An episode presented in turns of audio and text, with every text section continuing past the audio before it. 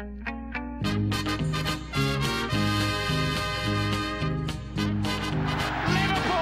are champions of Europe again. Liverpool are prize winners again. Liverpool is in the record books.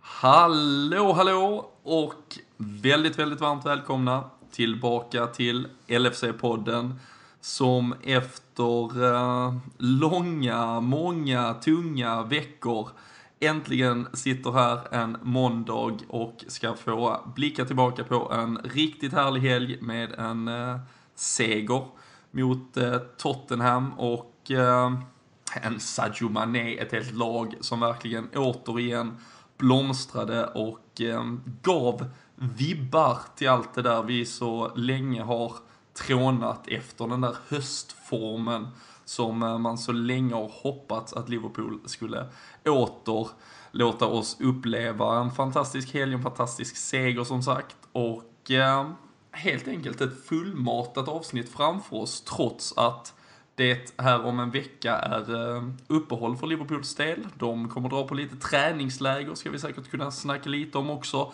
Men eh, vi har ju såklart fått stärka upp med en riktigt bra line-up för att kunna eh, gotta oss ordentligt i denna härliga seger. Men eh, först och främst såklart LFC.nu supportersidan, Sveriges officiella supporterklubb till Liverpool. Det är tillsammans med dem som vi gör den här podden och eh, Daniel Forsell, du är eh, en av panelhönorna dagen till ära. Hur är läget? Det är väl mycket bra. Det, jag instämmer med det du säger här. Äntligen känner jag bara att vi äntligen sitter här och, och snackar gott igen och verkligen har något kul att blicka tillbaks på. Eh, vi förutsåg ju det lite med U23-segern där precis innan med så, så vi får väl hoppas att det, det håller i sig. Ja, det skulle pre precis säga. Vi snackade ju om eh, dels att eh, U23-laget då hade slått eh, Tottenhams dito där innan. Vi refererar till Kyle Walker, Kyle Walker Peters heter väl U23-backen. Men, eh, och du har fortsatt hålla koll på U23 sedan dess. Känns lite som det blir mitt ansvar nu att se till att eh, de löser eh, biffen innan och så får A-laget följa på. De slog ju Huddersfield här igår med 6-2 faktiskt. De spelade Premier League Cup, heter det, motsvarigheten till FA Youth Cup kan man väl säga, fast för U23 då. Så det var mycket A-lag, eller inte A-lagsspelare ska jag inte säga, men många A-lagsaktuella får vi väl säga. Kevin Stewart, Joe Gomez, eh, Woodburn med två baljer, Wilson som hoppade in och gjorde debut i i kuppen där gjorde två baljer också. Så det var mycket att glädjas åt på den yngre fronten i alla fall. Mm. Ja, för, framförallt Ben Woodburn två riktigt snygga mål dessutom så det kan vara, kan vara värt sin lilla YouTube-googling. Fredrik Eidefors, du eh, var också med oss eh, när vi satt och snackade upp eh, Tottenham. Du fick åtminstone vid tipstävlingsskedet stå för den riktigt optimistiska tron till detta. Du tippade 2-1. Så att kanske till och med hoppades på att Tottenham skulle reducera i slutet, eller? eh, nej, det ska jag väl inte vara ärlig med att säga att jag, jag hoppades på. Men eh, jag var väl ensam av oss tre och trodde att vi skulle vinna i alla fall. För jag kände nästan på mig att eh, att det skulle vara dags att vinna nu och statistiken eh, mot Tottenham har ju varit bra sedan innan. Så att, eh, ja, jag gick på statistik helt enkelt. Mm.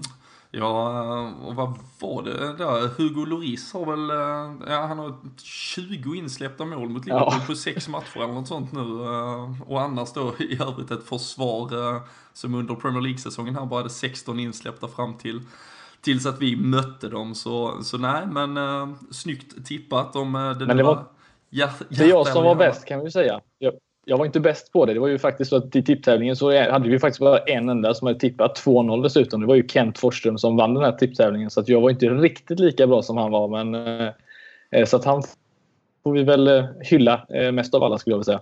Absolut, och en eh, tröja från Sam Dodds är såklart i vanlig ordning på väg till eh, Kent också. Så eh, stort grattis till honom och lite, jag satt där och bläddrade igenom nästan märkligt 2-0, ändå ett ganska gångbart resultat om, Om man nu ska vara optimistisk i alla fall, men eh, det är kanske den här tunga januariperioden som hade satt sina spår i hur folk vågade tippa. Men eh, snyggt av Kent i alla fall och grattis till honom.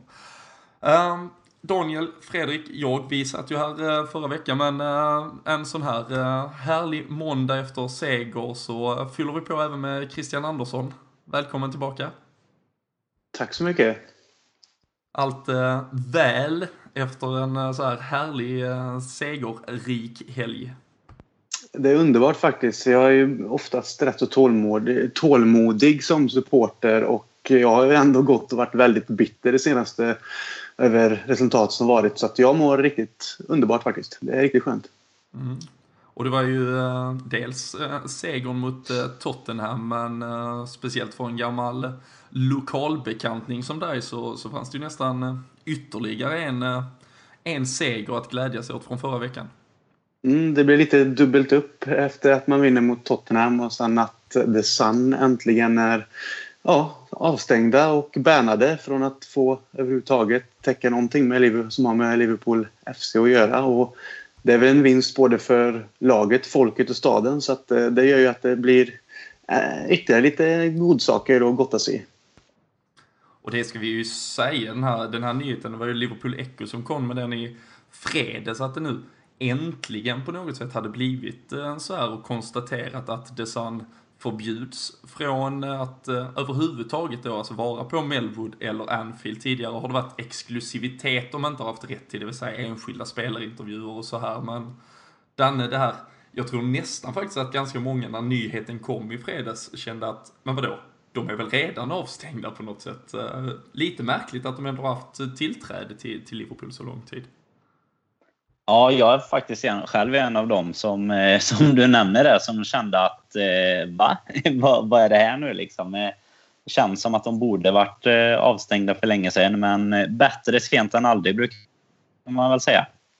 Så, så är det ju såklart och eh, vi kan väl kort kanske ge en liten bakgrund eh, till det då och eh, det var ju så här att medieklimatet framförallt 1989 var lite annorlunda än det som eh, vi, vi ser idag.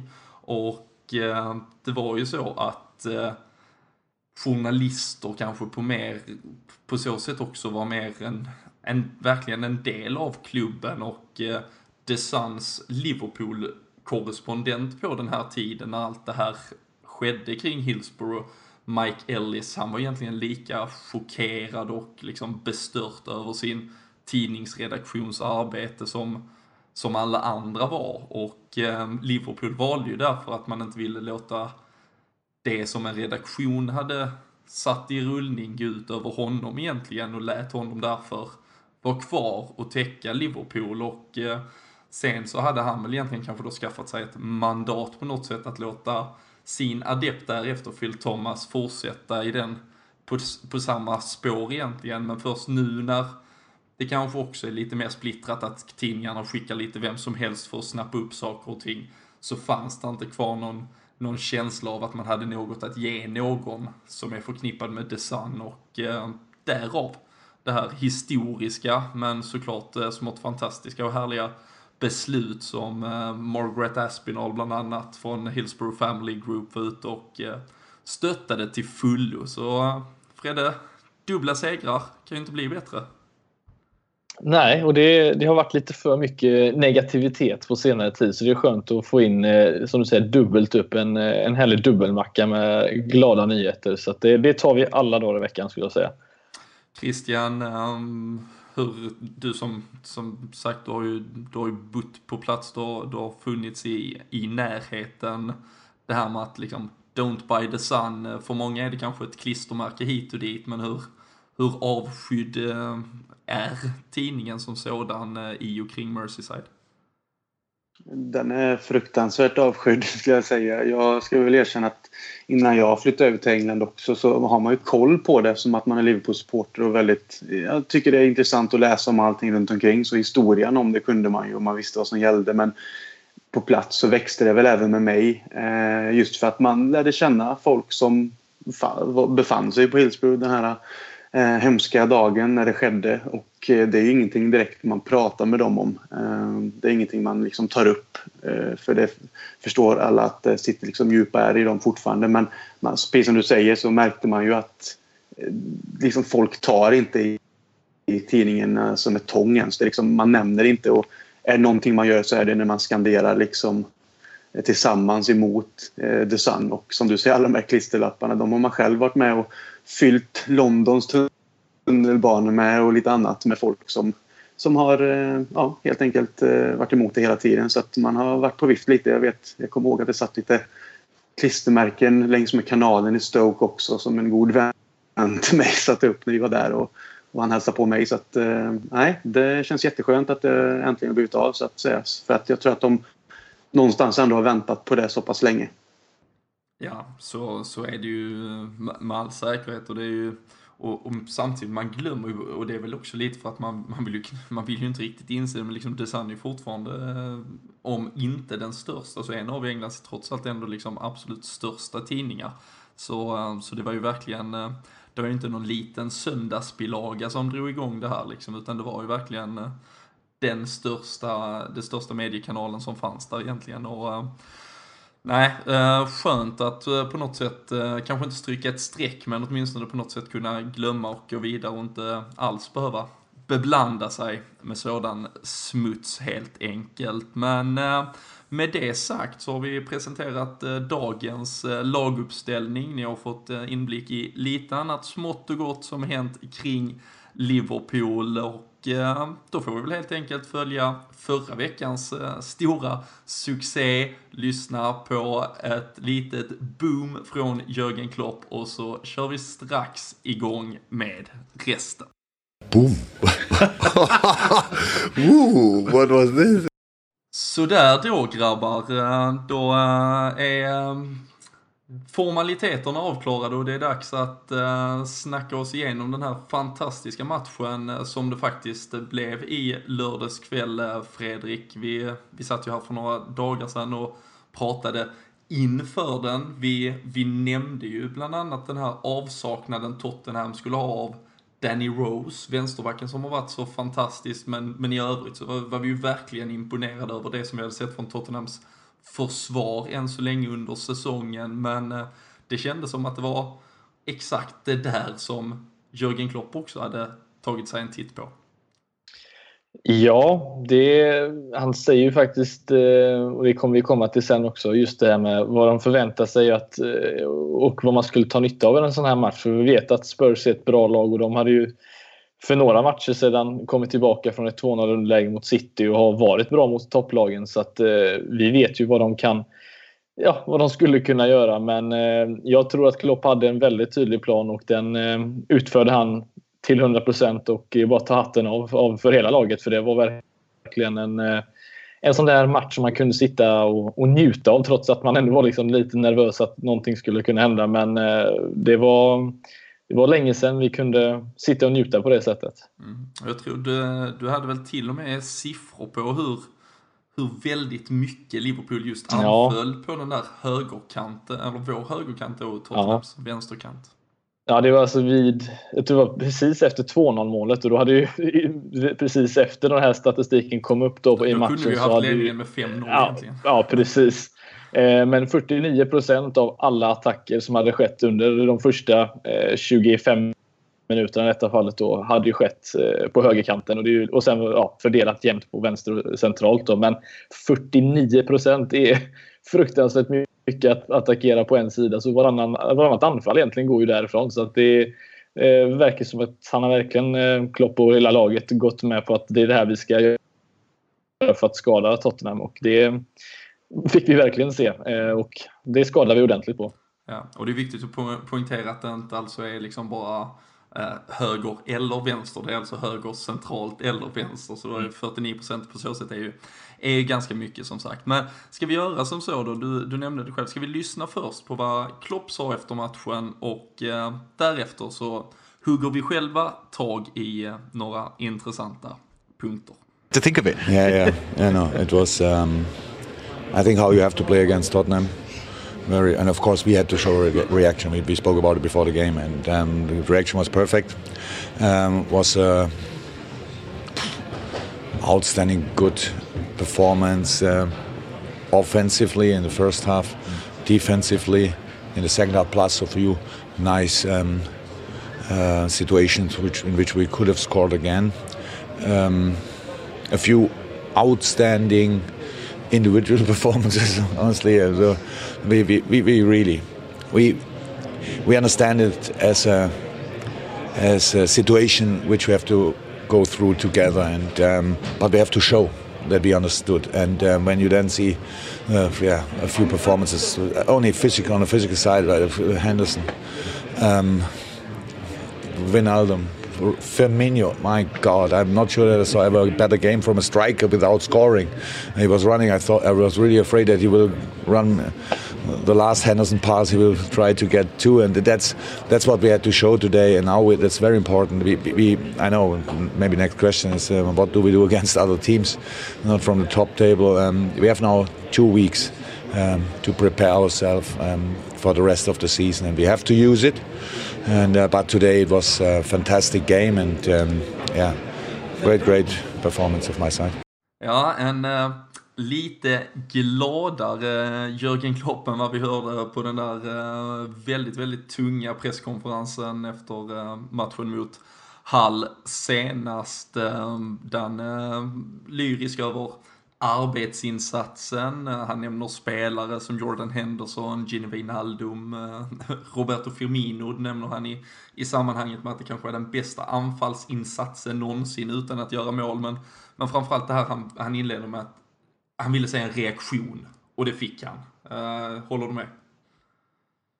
Ja, det fick han ju verkligen. Det var ju det som vi har efterlyst ett tag här också själva. Och jag tycker väl att vi verkligen kommer tillbaks, eh, om vi nu får återkoppla till våran eh, förra vecka här, Back to Basics. Eh, om man går tillbaks till i alla fall hösten här. Det var ju som att vi klev rätt in i oktober, november igen och tog en prestation därifrån och satte på plan. Och det var pressspel, det var egentligen påfyllnad i box, är han ju inne på här Klopp. Och det är ju alla de ingredienserna som vi kanske har haft lite tuffare att vaska fram här nu under senaste månaden som allt stämmer på en gång. Och eh, det ligger väl kanske lite i att det inte är det här täta matchandet. Vi hinner träna ihop laget och sätta alla taktiska detaljer innan match som du nämner med högerkanten där bland annat. Så eh, nej, det var absolut en reaktion han fick se. Och eh, Christian, eh, det har ju faktiskt lite intressant framgått här under veckan också, eller Adam Lallana bland annat var ute och uttalade sig att eh, Jordan Henderson också i, eh, i kapacitet av eh, lagkapten hade ju faktiskt samlat laget eh, ett par dagar innan match. Jörgen Klopp var inte närvarande utan Henderson ville sp samla spelartruppen för att just för att kanske locka fram den här reaktionen, för att rensa lite luft, låta det diskuteras lite. Hur, hur mycket tror du det mentala var som släppte just här mot Tottenham kontra det, det taktiska liksom? Det kanske behövdes en sån alltså, genomgång där kaptenen tar lite ansvar, samlar grabbarna och liksom faktiskt truppen pratar ut tillsammans som jag har förstått också via det man har, har läst. Liksom att alla fick sin eh, talan och fick säga sitt så länge det inte var personligt. Och liksom, det kanske krävdes lite att man luf, luftar lite. Att man liksom förstod varandra och vart man strävar och det kanske gjorde jättemycket också samtidigt som, som ehm, ja, just att man vill gå ut och visa Klopp den här reaktionen och på något sätt eh, ja, helt enkelt ändra den dåliga formen som har varit till något positivt istället. Och, och det tycker jag absolut man gjorde från första början. Man märkte faktiskt direkt när domaren blåste av matchen att det var en högre växel direkt och det var den känslan man lade märke till att fan det här det här kan liksom gå och den, den känslan kom direkt och det var lite det som man var ute efter och har varit ute efter så länge så att all heder till Jordan Henderson om det liksom verkligen är så att han tog, tog, sig, tog, tog på sig det ansvaret utan han, att ens Klopp visste om det och, sa till grabbar att nu, nu ska vi vända detta för det här är liksom inte okej. Okay. Ja. Fredrik, vi var, vi var inne på lite såklart då taktiska detaljer men, eh, men första 23 minuterna hade vi väl ungefär kommit fram till när vi skapar vårt fjärde riktigt, riktigt liksom uh, heta läge och uh, vi såg ju att det här, det här var ett Liverpool som, som ville någonting verkligen inledningsvis. Ja, och det är ju som sagt den här reaktionen gav ju verkligen eh, liksom svar på det här. Och det som ska tilläggas är att jag vet att folk tycker att kanske Tottenham var dåliga i öppningen av, av matchen. Det var ju snarare vi som var, alltså vi var ju på dem på ett sätt som de aldrig eh, har känt av tidigare. Och Niva var ju även ute och skrev det med som sagt efter matchen att det finns inget lag som har presterat så här bra. Och det som just statistiskt sett, alltså Spurs har alltså de senaste 24 matcherna släppt in två mål eh, de senaste 24, alltså inom de första 20 minuterna. Och vi gör två stycken på 20 minuter bara på en match. Så det är inget lag som släpper till mycket grejer eller mycket lägen eh, i början av matchen. Eh, och därför är det också ett bevis på att vi verkligen satt i en, en annan växel än vad vi haft tidigare den här säsongen. Eller i alla fall sen i höstas. Eh, och de var nog inte riktigt med på att det skulle hända. Och vilket, eh, ja, antingen dåligt från dem eller bara extremt bra från oss. För skillnaden här, för vi, eh, vi skojar ju lite om det egentligen för det där Andres Vias Boas försvaret som, eh, som ställde sig i stort sett och försvarade på mittplan.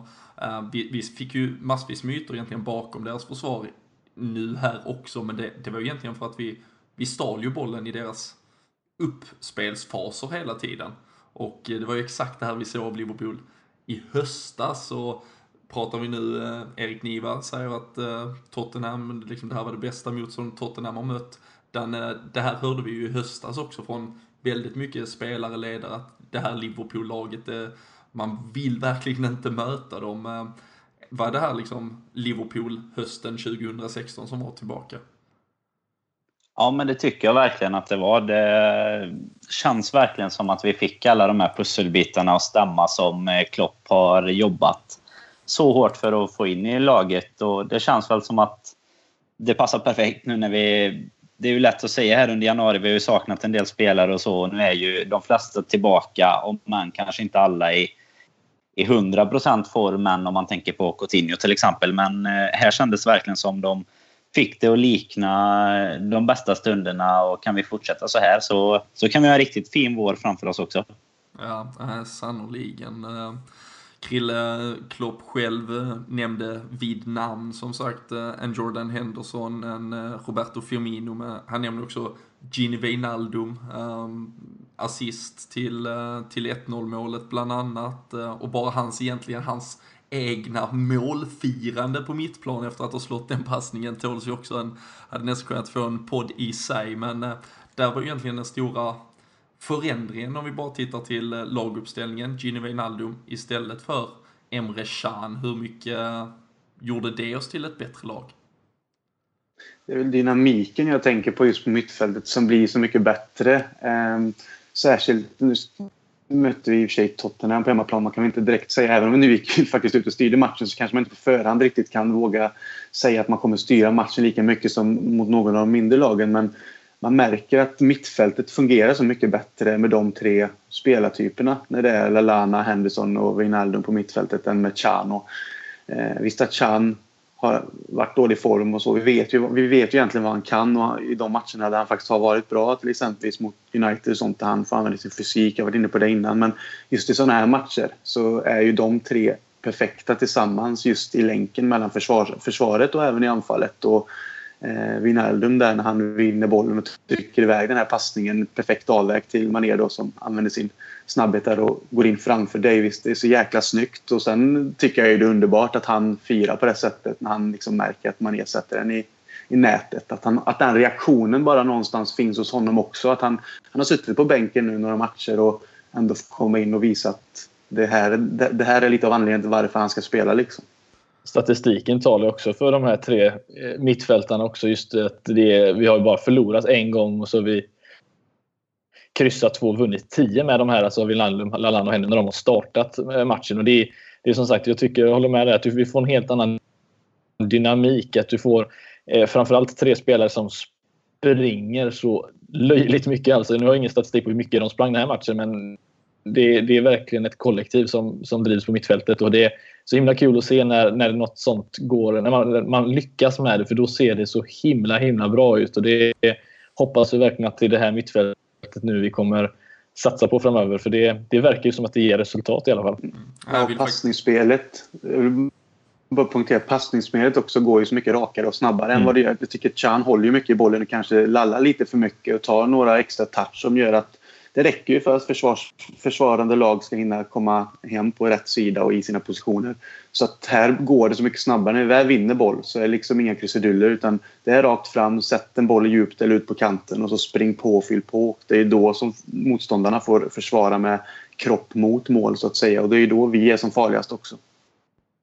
Ja, nej, absolut. Och precis som du var inne på Fredrik, jag tror vi nämnde det i förra podden när jag hade det upp i en krönika på LFC.nu och så jag tror vi snittar 2,41 poäng när vi startar just den där mittfältstrion eh, kontra egentligen nästan en poäng mindre med övriga mittfältskonstellationer. Hade haft eh, 60 poäng idag om eh, man hade slått ut den statistiken, då hade vi varit på poäng med Chelsea. Men man kan såklart inte göra det så enkelt, men det är trots allt ändå en fingervisning om vilken, vilken effekt det har på vårt lag att vi spelar de tre mittfältarna då, Adam Lallana, Jordan Henderson och Gini Wijnaldum. Danne, en annan spelare som fick eh, beröm där, Roberto Firmino. Eh, inte målskytt, men eh, som sagt enligt Jörgen, Jörgen, Jörgen Klopp den kanske liksom bästa insatsen av en nia. Han pratar såklart mycket om det här att leda pressspelet. Vi hade också ju faktiskt en rekordmatch för Liverpools del där våra mittbackar hade minst antal passningar. Det vill säga vi startade egentligen aldrig, vi behövde aldrig starta ens ett anfall från egen från eget eh, straffområde så att säga. Eh, Harry Kane nuddade ju aldrig boll. Jag tror jag nuddade bollen två gånger i offensivt straffområde. Hade inte något skott, ingenting. Vi, Tottenham kom ju inte ens ner i vårt... De, de är inte ens i närheten av oss. Nej, det är ju det här Klopp eh, har pratat så mycket om och som, som vi väl har hängt på egentligen under hela säsongen. Just hur viktigt det offensiva försvarsspelet är om man säger så. Att hela dynamiken stämmer för både anfallsspelare och mittfältspelare framför backlinjen. För det är fortfarande så att vår backlinje inte är den bästa i ligan. Det tror vi alla är ganska överens om, även om vi inte ska, ska hugga på dem efter en sån här match. Men det visar så hur viktigt det kollektiva försvarsspelet är och just det Firmino gör, precis som Klopp är inne på i det här klippet vi hörde innan också, att han gör ju en fantastisk försvarsinsats men han är ju egentligen anfallare. Så att eh, jag tror att många glömmer hur viktigt det faktiskt är att de eh, verkligen hjälper till allihop men också hur mycket lägen vi kan skapa på att vi faktiskt bryter högt. För det är ju i sådana lägen vi får chansen att kanske kontra om man vill kalla det men eh, bryter man på mittplan och de är på väg med sitt lag framåt så är det klart att det öppnar extrema ytor och då är det ganska tacksamt för till exempel en kille som Mané då, som har rätt bra fart under sina fötter. Ja, nej det, det, det får man väl ge honom. Stackars Ben Davis som ibland tog 2-3 meters djup och ändå inte var, var knappt tvåa på bollen. Det hade Sadio Mané varit både etta och så hans skugga var väl tvåa i stort sett. Men eh, Fredrik nu, han är tillbaka från Afrikanska mästerskapen, direkt en injektion. Eh, 11 mål, 4 assist på 21 matcher. Eh, man, man får ju någonstans lite så här Suarez light-vibbar, åtminstone liksom som injektion, den spelare och det han liksom ändå eh, bistår med. Hur, eh, hur bra och hur viktig för Liverpool eh, dels är han redan idag och, och hur bra kan han bli, tror du? Ja, alltså, sky's the limit brukar man väl säga egentligen. Han, det, man vet inte riktigt hur, var han kommer stanna någonstans i utvecklingen för att han, han kan göra så himla mycket egentligen och precis som om man ska just dra några paralleller med Suarez så är han också sådär lite det ser inte ut ibland som att han har kontroll på bollen men han har det säkert ändå och man eh, lyckas med allting som man inte tror att han ska göra. Och stark trots att han inte ser särskilt liksom, bite ut i överkroppen. Men alltså, det, det, är så mycket med honom som, som är så himla udda liksom, på ett bra sätt. Alltså. Eh, och han tillför just det här med snabbheten. Alltså, jag vet inte om ni kommer, ja, ni kommer ju självklart ihåg det. När han nästan gör 3-0 där. Alltså, det är ju Walker som drar en, en, en felpass på volley som egentligen Ben Davis ska vara före på alla dagar i veckan. Till och med mittbacken om, om det är Alderweireld. Men just den snabbheten han har. Alltså, jag tror jag inte har sett någon på de liksom, första stegen. Jag har aldrig sett någon som är så snabb som han är. Och det, är det, det är fantastiskt att ha det, för jag tycker inte vi har varit bortskämda med liksom, pace på ja, de senaste säsongerna i Liverpool heller. Så det, nej, han eh, tillför väldigt mycket mer eh, än vad, eh, vad jag trodde han skulle göra faktiskt när han signades. Mm. Nej, det, man blir ju Och eh, på samma sätt som man satt liksom och man, man var så extremt glad att se honom tillbaka. Det, det, det skar lite i hjärtat här att man liksom, att vi behövde vara utan honom och liksom det här tänk om och allt det här gick såklart eh, på högvarv. Men Christian nu, vi, när vi då såg återigen liksom ett Liverpool som var så här bra, vi har hösten att eh, relatera till också. Hur, hur bra skulle du säga att Liverpool egentligen liksom är de här dagarna när vi, när vi så att säga är som bäst? Eh, var eh, Fredrik pratar sky is the limit för Sadio Mané, var är, var är the limit för Liverpool? Utan att egentligen ta i så tycker jag väl att Liverpool när de är som bäst så är de bäst i Premier League. Och det säger jag inte bara för att jag håller på Liverpool utan så som vi såg dem spela mot, borta mot Arsenal, Chelsea och många andra matcher under hösten liksom och körde över till exempel Watford hemma med 6-1 eller vad det nu var och även mot andra lag så då är, då är Liverpool bäst i Premier League och kanske ett av de bättre lagen i Europa fotbollsmässigt eh, utan tvekan. Men problemet är ju fortfarande att, då, att hitta en balans, att kunna prestera på en hög nivå även när formen kanske inte riktigt är med och även när det hackar lite i spelet att man ändå lyckas vinna de matcherna som, som krävs för att man ska kunna vinna Premier League idag. Så att det är fortsatt det som är problemet och det som Liverpool måste jobba med. Och för det krävs väl antagligen liksom en bredare trupp i det långa loppet med. Vare sig vi spelar i Champions League eller inte, vilket jag dock hoppas att vi gör. Men det krävs att vi har lite mer alternativ i det långa loppet. För någon gång kommer man liksom att få problem med form och skador och då måste man kunna försöka lösa det på andra sätt om man vill ta de här både trepoängare men även lika poäng eh, för att kunna ligga i toppen hela vägen. Jag hoppas att vi någonstans under våren kan jobba oss tillbaka men tyvärr i det långa loppet så är väl kanske titelracet kört även om det alltid väcks lite förhoppningar efter att Chelsea tappar poäng. Ja, precis. Ett eh, Chelsea som då trots allt har ett eh, ganska rejält försprång. Eh, Danne, vi har, vi har tagit tempen ganska ofta på den där eh, topp eh, 4. Det är ju en topp 6 verkligen, där alla nu slåss inom egentligen 2-3 poängs eh, marginal bara utöver Chelsea. Räckte det här för att, för att du skulle få nytänt hopp kring vart det här kan leda med 13 omgångar kvar? Det gör det ju definitivt, eh, särskilt jämfört med alternativet när man redan var lite eh, nere efter de här matcherna som har varit. Men samtidigt tycker jag att många av våra konkurrenter ser ruggigt farliga ut också. Det är ju för eh, framförallt kanske den objektiva tittaren, även för oss tycker jag det är en jäkligt rolig säsong att följa. Men för hjärtat vet jag inte om det, om det är särskilt bra. Det, man får ju verkligen inte ha några sådana här eh, alltså bottennapp som vi har haft nu. Man, man har inte riktigt råd med det. Nu är United är ju ikapp på allvar nu också. Och nu är det verkligen fem lag som kämpar om tre platser om vi nu kollar på Champions League-platserna. Då. För jag, jag tror att det ska extremt mycket till för att Chelsea ska, ska tappa. Det, då är det verkligen eh, något utöver det vanliga som ska hända. Så att, eh, jag ser det väl som en plats om kamp, eller kamp om platserna mellan andra och, och sjätteplatsen då, där man behöver vara tvåa till fyra helt enkelt. Mm. Vi ser, eh, det lär ju bli mer aktuellt ju, ju närmare vi kommer en, eh, en sluttamp här, men Fredrik, man skulle ju faktiskt kunna, om vi bara snabbt egentligen leker med tanken, man skulle ju kunna inför sista omgången skulle det kunna vara fem lag som, som alltså ända fram tills dess egentligen slåss om att komma alltifrån tvåa till sexa och och en match och liksom tre poäng kanske eller något som gör att man får en jättelyckad på pappret säsong så att säga, eller en, en misslyckad. Hur, hur, skulle, hur ska man kunna bedöma, tror du, liksom en, till exempel en tränares eller en trupps insats? Kan man, skulle ett lag som kommer tvåa med tre poängs marginal ner till en sexa till exempel vara, är, är det så mycket bättre liksom?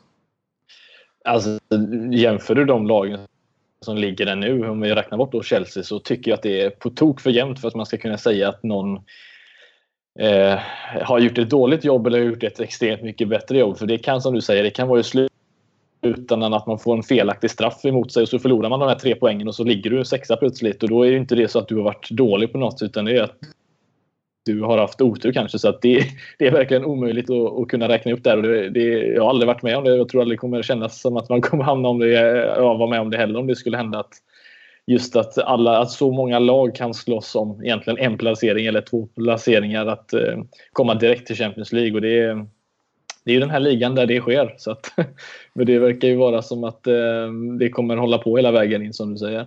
Ja, ja, verkligen. Nu har vi ju, nu startar ju Champions League-slutspelet här i veckan, Europa League-slutspelet. Eh, vi har ju såklart FA Cup som kommer här, därav att Liverpool är spellediga. Så vi får ju se nu också om det här eh, mer då lugna spelschemat faller Liverpool i smaken, om det skulle kunna vara ytterligare en faktor som ger oss en liten fördel. Men, eh, men annars är det ju faktiskt nästa ligamatch, nästa match överhuvudtaget. Den är först om två veckor, 14 dagar. Det är en måndagsmatch dessutom och det är Leicester borta. Eh, regerande mästarna, Krille, men eh, sannoliken inte ett lag som eh, lever upp till den hypen just nu. Och Klopp pratar ju om det själv om man går tillbaka till det här klippet vi lyssnar på. att ja, nu vet han att snacket kommer börja igen, att vi gör det bra mot topplagen, gör det sämre mot de så kallade bottenlagen. Hur, Tror du att dels att det här liksom att vi nu får lite mer vila, att vi har tillbaka alla spel, kan vi, kan vi hitta tillbaka till att uh, de här höstmatcherna där vi vann med 5-6-0 mot även de här defensiva lagen eller eh, kommer det liksom att vi börjar om på nytt och, och faktiskt har en riktigt jävla tuff uppgift framför oss här om 14 dagar mot, uh, mot Leicester tror du? Jag tror absolut att det blir liksom speluppehåll hjälper oss i, i det långa loppet. Just att eh, spelarna får vila och man får chans att träna tillsammans mer och förhoppningsvis håller de sig skadefria på det sättet också. Men jag tror att de, den, största, den största boven i dramat är att eh, radera de här eh, hjärnspökena liksom från, till sådana här matcher som vi då har sett de här bottennappen innan. Jag tror att det, det handlar så mycket eh, om det mentala.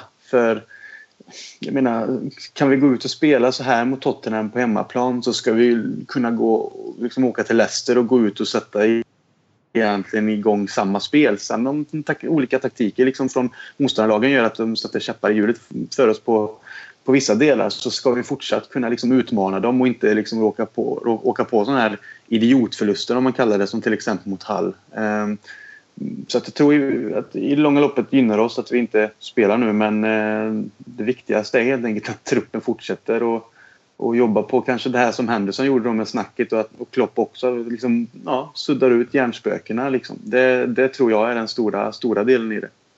Men vi har ju inte sen egentligen sen november, förutom mot just storlagen, sett den här intensiva pressen mot något av de här mindre lagen och det är väl just för att vi har haft, vi har hållit i bollen istället för att eh, de slår ifrån den och så ska vi, de förväntar sig att vi ska anfalla och då har det aldrig riktigt blivit det. Så det är ju där problemet ligger att vi, vi har aldrig riktigt kunnat utnyttja vårt pressspel för vi har aldrig haft, de har aldrig haft bollen egentligen. Utan kollar man alla de matcherna så snittar vi väl någon sån här 60% 70% i bollinnehav och då, då är det svårt att, att springa sönder sina motståndare eh, om vi inte har kreativiteten. Så att det är väl det som jag tror att eh, de försökt jobba på lite nu. att kunna bryta upp de här försvaren. Eh, men eh, för annars har vi inte sett så mycket av det här intensiva pressspelet mot ja, Hall på bortaplan eller eh, liknande. Men om man tittar där egentligen, Fredrik till exempel. Vi hade ju Hall på hemmaplan. Vi hade Leicester just som vi nämner på hemmaplan. Kanske de var ganska öppna i sitt spel då. Det var i inledningen av säsongen. Men Watford på hemmaplan. Så det var ju ganska försvarsinriktade lag som kom till Anfield. Men, men de hade ju ändå inte en suck liksom. Vad, vad är det vi kan liksom... Det där är ju ändå något som har saknats. Det är ju inte bara att vi har fått anfalla mot ett defensivt lag. Det är ju mycket annat som har, som har bråkat känns det som, som, som vi måste få på plats nu. Ja, men vi fick ju en rad eller, tidiga mål i några av matcherna dessutom. Och det, det gör ju också en hel del att, att eh, göra en mål inom första 15-20 minuterna. Det, det förändrar ju en hel matchbild helt och hållet eh, för, för oss i detta fallet. Och det tror jag var det som hjälpte. Sen som vi har pratat om tidigare, just de här det som vi var bäst på just då, det var ju för spelare som Firmino, Mané och Firmino, eh, Lalana att just ta de här små löpningarna bakom. Egentligen inte, vi behöver inte ens få bollen, men bara ta löpningen eh, så att det blir lite rotation i spelet. Och det, det var vi väldigt bra på då, har inte gjort det sedan dess. Eh, och det tror jag vi måste komma tillbaka till och eh, sätta press från, alltså från ja, avspark egentligen. Och det har vi inte riktigt eh, gjort skulle jag säga.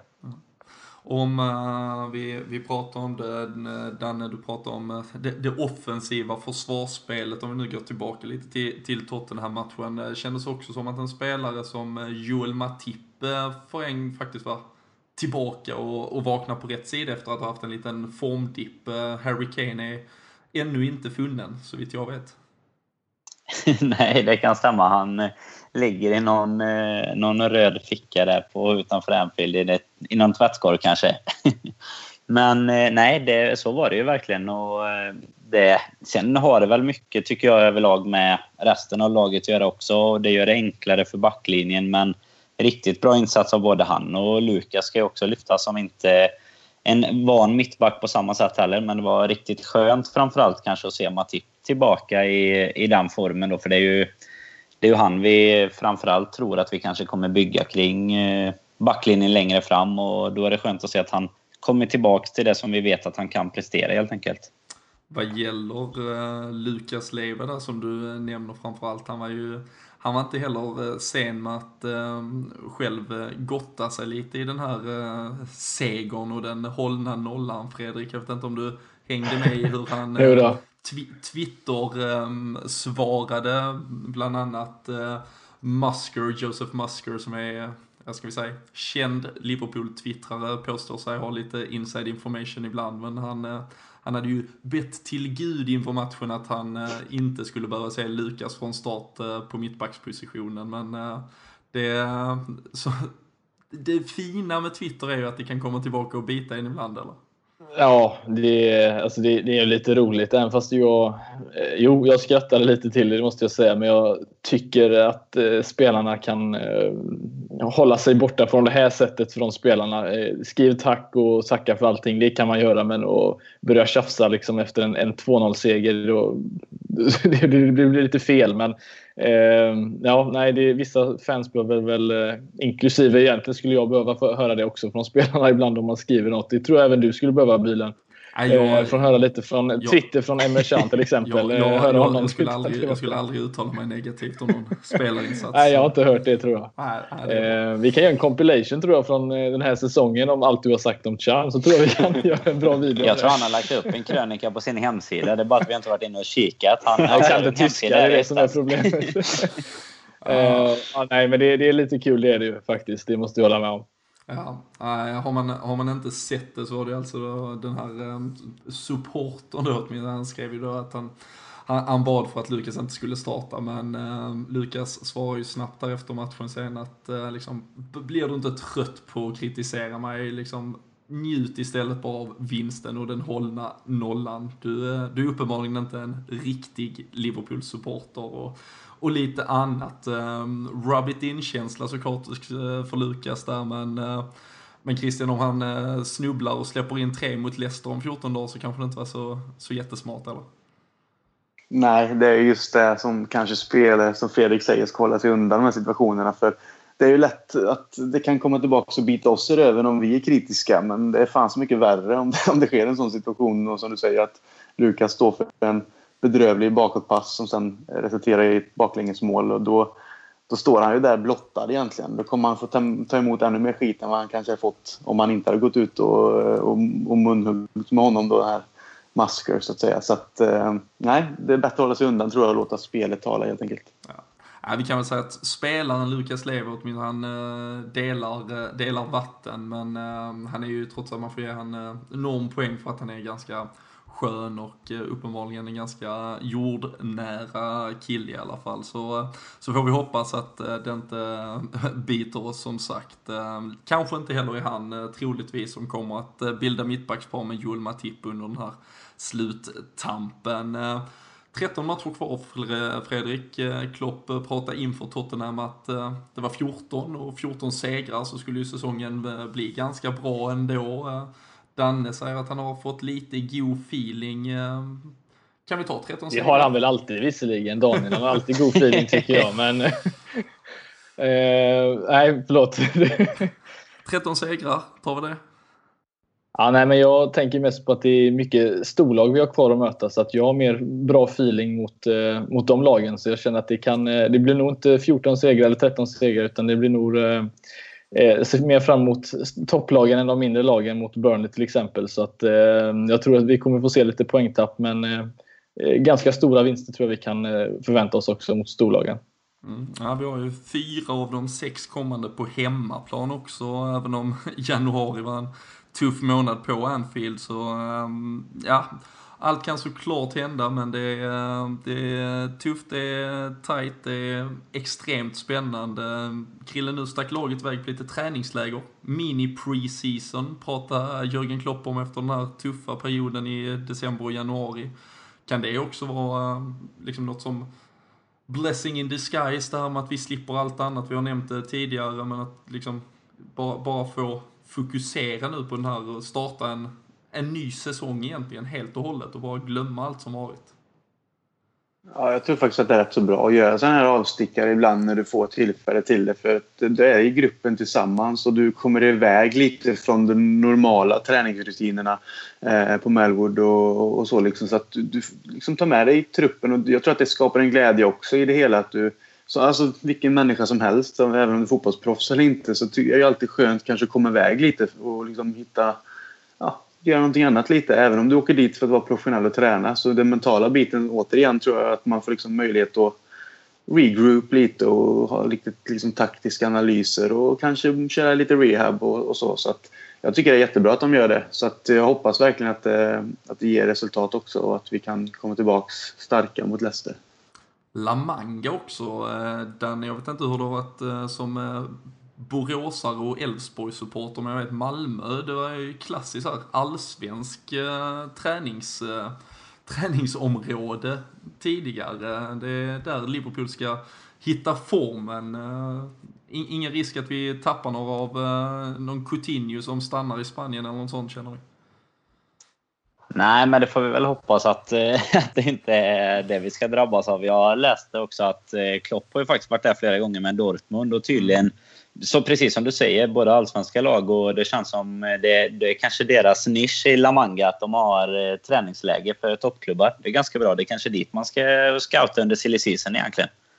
Podden uh, Away, La Manga, ett par veckor kanske? Ja, ja, det går absolut utmärkt. Ett par badshorts och en mikrofon så, uh, så är vi där.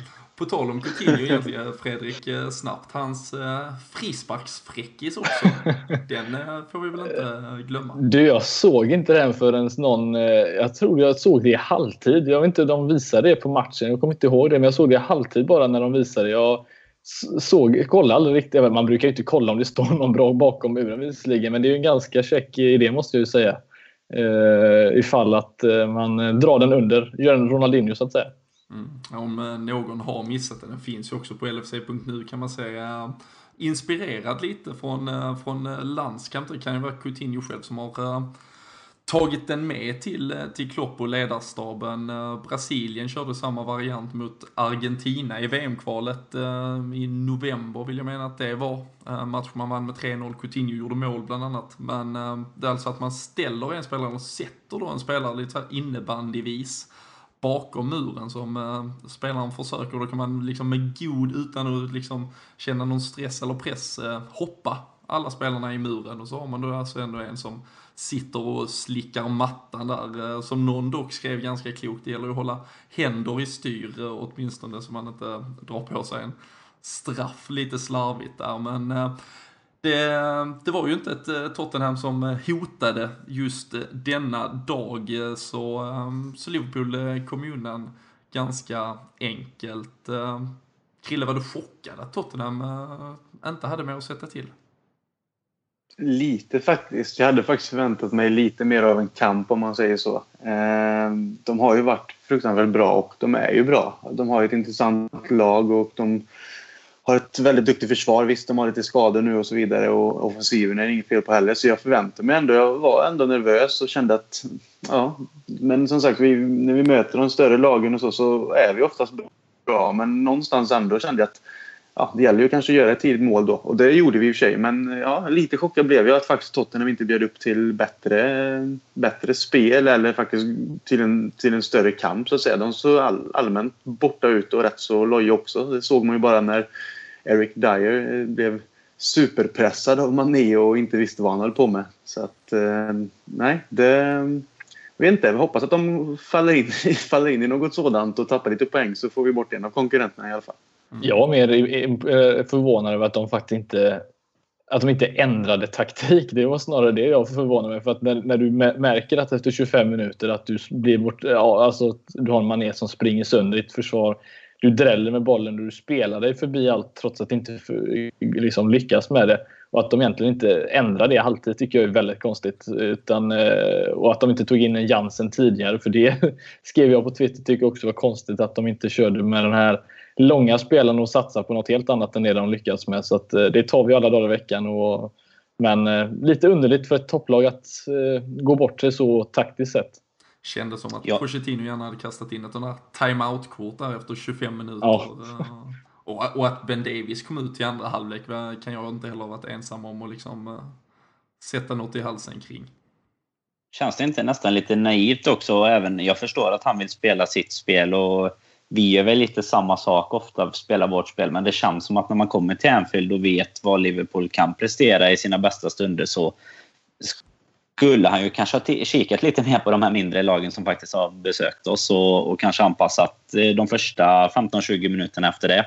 Även om nu, eh, ja, jag vet ju inte om det hade hjälpt. Det kanske, han kanske försökte det utan att eh, vi kanske bara gick ut och körde över dem för det var ju sannerligen riktigt, riktigt bra.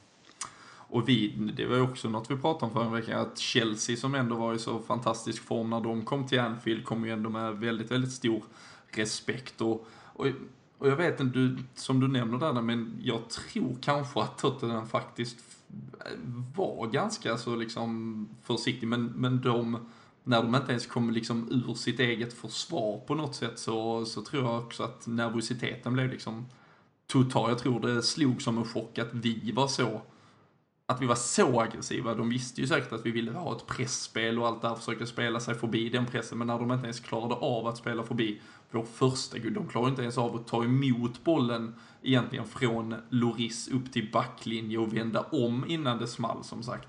Så ehm, de har nog tänkt att de skulle spela sig förbi den där pressen snabbt men, men de gavs inte ens den chansen och äh, Wijnaldum som, som vi har nämnt med mittfältet säger också, för jag tycker ju att eh, Wanyama och Moussa Dembele har varit ett av kanske ligans bästa mittfältspar eh, i konkurrens med N'Golo Kanté ensam egentligen i, i Chelsea, men, men de nuddade ju knappt bollen och när de gjorde, hade bollen så spelade ju de också i panik i stort sett hela tiden. Så nej, det var ju ett Liverpool som verkligen var eh, bättre än vad kanske någon hade förutsett egentligen. Så eh, jag vet inte, några andra reflektioner från matchen i övrigt eller uh, ska vi bara tugga i oss uh, och smaka segerns sötma? Jag, jag, kan flika in det också som du sa att när mittfälten med Dembélé och Wanyama blir så isolerade så fick ju heller inte vare sig Delali eller Eriksen någon yta och det är egentligen de som har varit de farliga spelarna för Tottenham till att både göra mål och servera Harry Kane liksom de senaste, den senaste tiden. Eh, och de kändes ju knappt så att de var med i matchen heller överhuvudtaget. Och de tillhör ändå två av de, de bästa mittfältarna i, i Premier League. Så bara det bevisar väl också på hur Liverpools press och mittfält någonstans käka upp Tottenhams och inte gav dem möjlighet till att egentligen skapa någonting därifrån. Mignolet tycker jag vi ska bara ge en liten ros också för 2-0 eh, vid 2-0 är hans eh, räddning på Sons friläge. Det har ju varit, blivit en helt annan matchbild skulle jag gissa om, eh, om den hade gått in men den räddade han oss kvar med och sen var det ganska lugnt därefter men bra av honom att Eh, stå kvar och liksom våga eh, och inte slänga sig för tidigt utan gå ner och täcka upp den lite så som de Gea brukar göra. Liksom med ena knät ner, då brukar man täcka upp ganska mycket av målet. Så det, det får vi ge eh, Simon Mignolet också ett, ett tack till. Verkligen, och det var ju faktiskt, för jag satt och såg reprisen av matchen, och det var ju verkligen när Liverpool precis hade egentligen då skapat den här fjärde chansen inom loppet av bara 10 minuter, där det faktiskt liksom, det kunde ha varit 4-0. Hade vi då på något liksom fått 2-1 emot oss och det hade slutat med att, fast att vi kanske hade gjort liksom den bästa kvarten i typ Liverpools historia liksom, så hade vi bara varit i en ettmålsledning och haft ett Tottenham som var tillbaka inne i matchen. Så som du säger där, en sån räddning är ju kanske om än att den inte är liksom på pappret är poängvinnande för det, det måste ju, då det hade vi ändå vunnit med ett, ett mål så att säga, men det hade mycket väl kunnat förändras så pass mycket av matchen så att den faktiskt ändå ska erkännas som det. Och eh, tyckte det var lite slarvigt av eh, framförallt då kommentatorerna på plats som sa liksom att Tottenham, att Mignolet hade bara stått eh, helt handfallen och inte gjort någonting på hela matchen. För det där är ju verkligen en räddning som, som, eh, som, som på något sätt också bevisade för Tottenham att inte ens när ni får en chans så, så kommer ni ha en chans på något sätt. Eh, viktigt psykologiskt och eh, extremt eh, snygg. Kanske pressad lite av, eh, jag vet inte om ni har sett, eh, Marko Grudzic eh, tränar ju på gym idag med Adam Bogdan tillbaka i Liverpool. Så kanske eh, satt lite extra press på Mignolet där, Dan, eller? Eh, det, det, det är enklare än så kanske förklaringen. Ja, men vi nämnde ju det ändå förra veckan också att han eh, blir... Eh, jag tycker i alla fall att när han väl blir bekväm och man tycker att han har växt in i rollen då, då gör han någonting likt mot Hall, kanske tappar en boll eller så. så att, ja, nej, men jag tror det är Bogdan faktiskt. Han, kände, han såg han på gymmet och kände att nu, nu gäller det att jag gör en bra match här så man får stå kvar. Det kan mycket väl vara så. Det är åtminstone expertanalysen härifrån. Jag, eh, jag tycker vi, vi packar ihop Tottenham-matchen där. Eh, vi lyssnar återigen eh, väldigt snabbt på ett litet boom från vår kära manager och så har vi ett litet meddelande som avslutning för dagen. Så uh, håll ut lite. Boom. Ooh, what was this?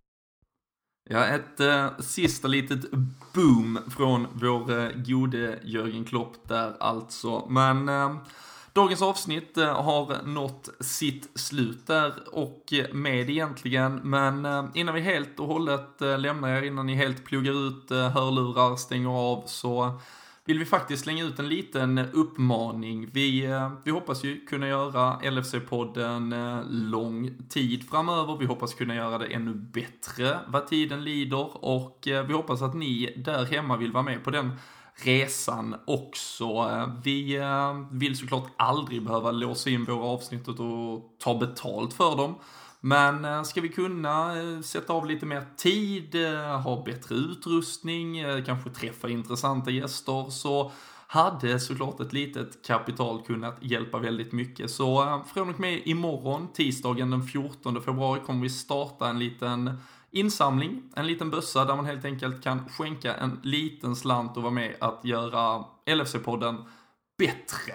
Ni kommer även, om ni slänger iväg en liten slant, ha chansen att kunna vinna t-shirtar, matchtröjor från Samdods och till och med även matchbiljetter till Anfield under nästa säsong. Så håll utkik på Twitter eh, kring det här och eh, snälla faktiskt, var med, gör, eh, gör skillnad, låt oss eh, få möjligheten att göra detta ännu lite bättre och eh, som sagt kunna producera 50, 60, 70 avsnitt varje år och eh, låta dem i övrigt ligga alldeles gratis för er där hemma. Så eh, tack så mycket på förhand för att ni i så fall hjälper till med det och eh, ha en eh, riktigt, riktigt härlig vecka. Så, eh, så hörs vi såklart snart igen. Tack så mycket.